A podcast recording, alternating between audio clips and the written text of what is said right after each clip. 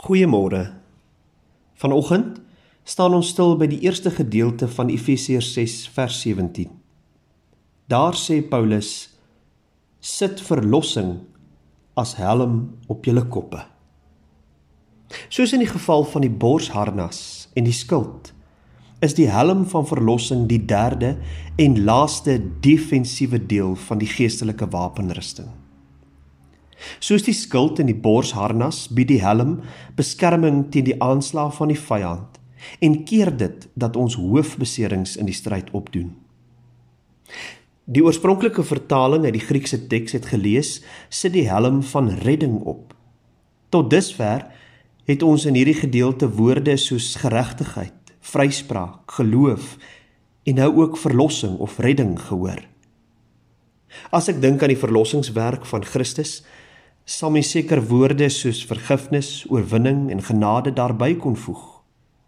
Maar die punt is egter dit. Dit alles verwys na 'n sekere staat van wees. Dit verwys na daardie nuwe mens wat ons in Christus Jesus is. En as ons onsself klee met hierdie wete, hierdie bewussyn van gered wees, word dit 'n magtige wapen in die stryd teen die bose. 'n helm sit jy op jou kop en dit beskerm jou van 'n fatale hoofbesering.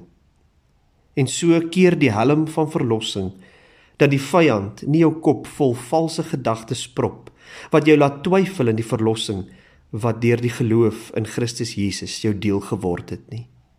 Ja, ons gedagtes, ons manier van dink, ons manier van dink oor onsself, oor God en oor ons vyand het soms bewaking nodig.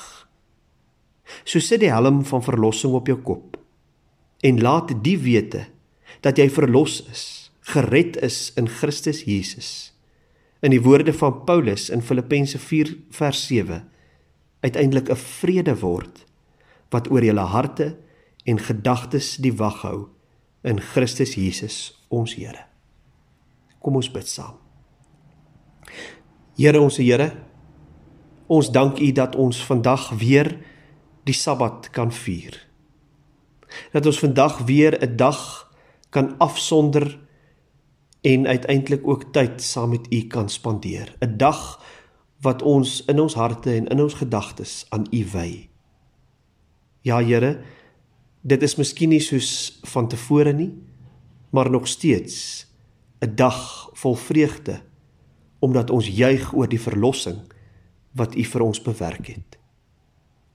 Gee dat ons dan nou in hierdie geestelike stryd waarin ons gewikkel is, die helm van verlossing op ons koppe sal sit, sodat ons altyd sal onthou, sal weet met hierdie wete die stryd sal aansê dat ons verloste, begenadigde mense is en dat niks wat die vyand doen of sê ons ooit daarvan kan stroop nie.